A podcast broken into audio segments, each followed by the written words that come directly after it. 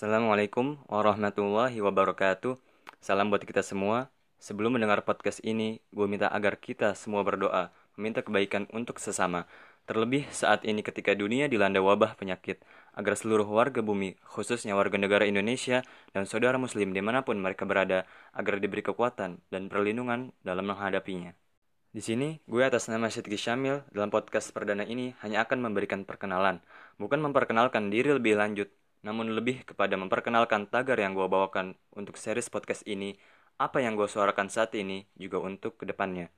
Buka logika, lo kagak gila, adalah tagar yang dilatar belakangi oleh kisruh yang kian hari kian membesar yang diakibatkan oleh beberapa oknum yang memperjuangkan suaranya, ideologinya, panutannya, dan lain sebagainya yang pada dasarnya hanyalah sebuah tindakan fanatis.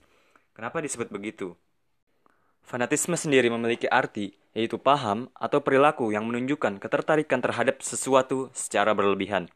Lebih lanjutnya, seorang filsuf asal Spanyol, George Santayana, mendefinisikan fanatisme sebagai melipat gandakan usaha Anda ketika Anda lupa tujuan Anda. Apa yang hari ini kita lihat kebanyakan memang seperti itu. Banyak orang yang terlalu jauh melambungkan namanya, panutannya, organisasinya, ideologinya, dan lain yang semacamnya, namun lupa akan tujuan. Untuk apa dibuat ideologi tersebut? Tujuan apa yang akan digapai bersama dalam organisasinya? Apa yang telah dilakukan oleh orang yang telah ia agungkan? Sampai pada akhirnya muncul pertanyaan, untuk apa ia melakukan segalanya? Sampai pada keseharian kita, secara tidak langsung, fanatisme telah menjadi dasar dari setiap tindakan kita. Semua tindakan Seremeh apa pun itu dilakukan dengan fanatik. Semisal ada seseorang pergi ke sebuah warung makan. Setelah ia menghabiskan makanannya, ia merasa haus dan membutuhkan minum. Lalu ia melihat ke arah kulkas warung makan tersebut dan melihat sebotol contoh fruity. Saat itu ia minum untuk menghilangkan dahaga. Namun karena dirasa enak, memori otaknya menangkap rasa fruity tersebut dan membuat kesimpulan. Apa pun keadaannya, kalau haus ya minum fruity.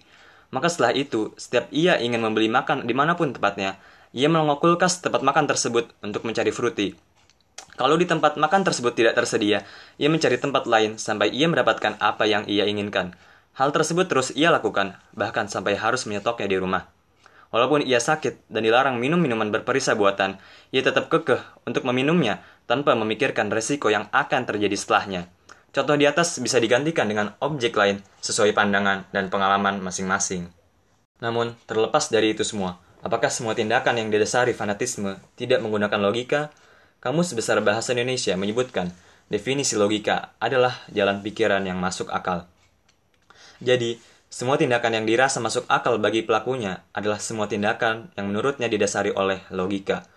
Sefanatis apa pun tindakan tersebut, semerugikan apa pun tindakan tersebut, bila ditanyakan langsung, akan muncul bertubi-tubi alasan yang akan dihubungkan dengan segala bentuk logika, Bila dari contoh tadi kita tanyakan langsung alasan pelaku melakukan hal tersebut, mungkin kita akan mendapatkan jawaban seperti, minuman ini mengandung vitamin C yang dapat membuat sehat tubuh. Atau, rasa minuman ini benar-benar seperti asli, mungkin ini bisa menjadi alternatif dalam mengonsumsi buah-buahan. Atau juga, sebagai orang Indonesia, kita harus mencintai produk kita sendiri kan? Dan semacamnya. Itulah alasan kenapa gue menggunakan kata buka dalam tagar yang gue bawakan. Karena setiap orang pasti mengaku telah memperhitungkan segala sesuatu dengan logika. Masalah sejalan dengan pemikiran orang lain atau tidak itu lain hal.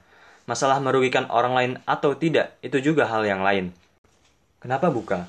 Karena dengan membuka logika kita, kita akan dapat melihat semua pandangan orang lain yang didasari logika masing-masing, bukan dengan menutup diri dari pemikiran lain. Dengan membuka logika, justru kita dapat menimang-nimang mana pandangan yang bersifat kondisional dan mungkin dapat dikolaborasikan dengan pemikiran kita. Mana yang berlawanan dan mungkin akan berkontradiksi dengan pemikiran kita, namun skeptis ataupun menutup diri darinya bukan merupakan sikap yang patut diambil. Atau bahkan sebenarnya pemikiran kita sendiri yang ternyata keliru dan jauh melenceng dari apa yang sebenarnya menjadi tujuan awal. Dan itu semua kembali kepada diri kita masing-masing. Selebar apa kita dapat membuka Sejauh apa kita dapat memperhatikan dan sebanyak apa kita dapat menyimpulkan, itu tergantung diri kita masing-masing. Sekian, maaf bila ada salah kata. Selamat berbuka logika, karena gue tahu lo kagak gila. Wassalamualaikum warahmatullahi wabarakatuh.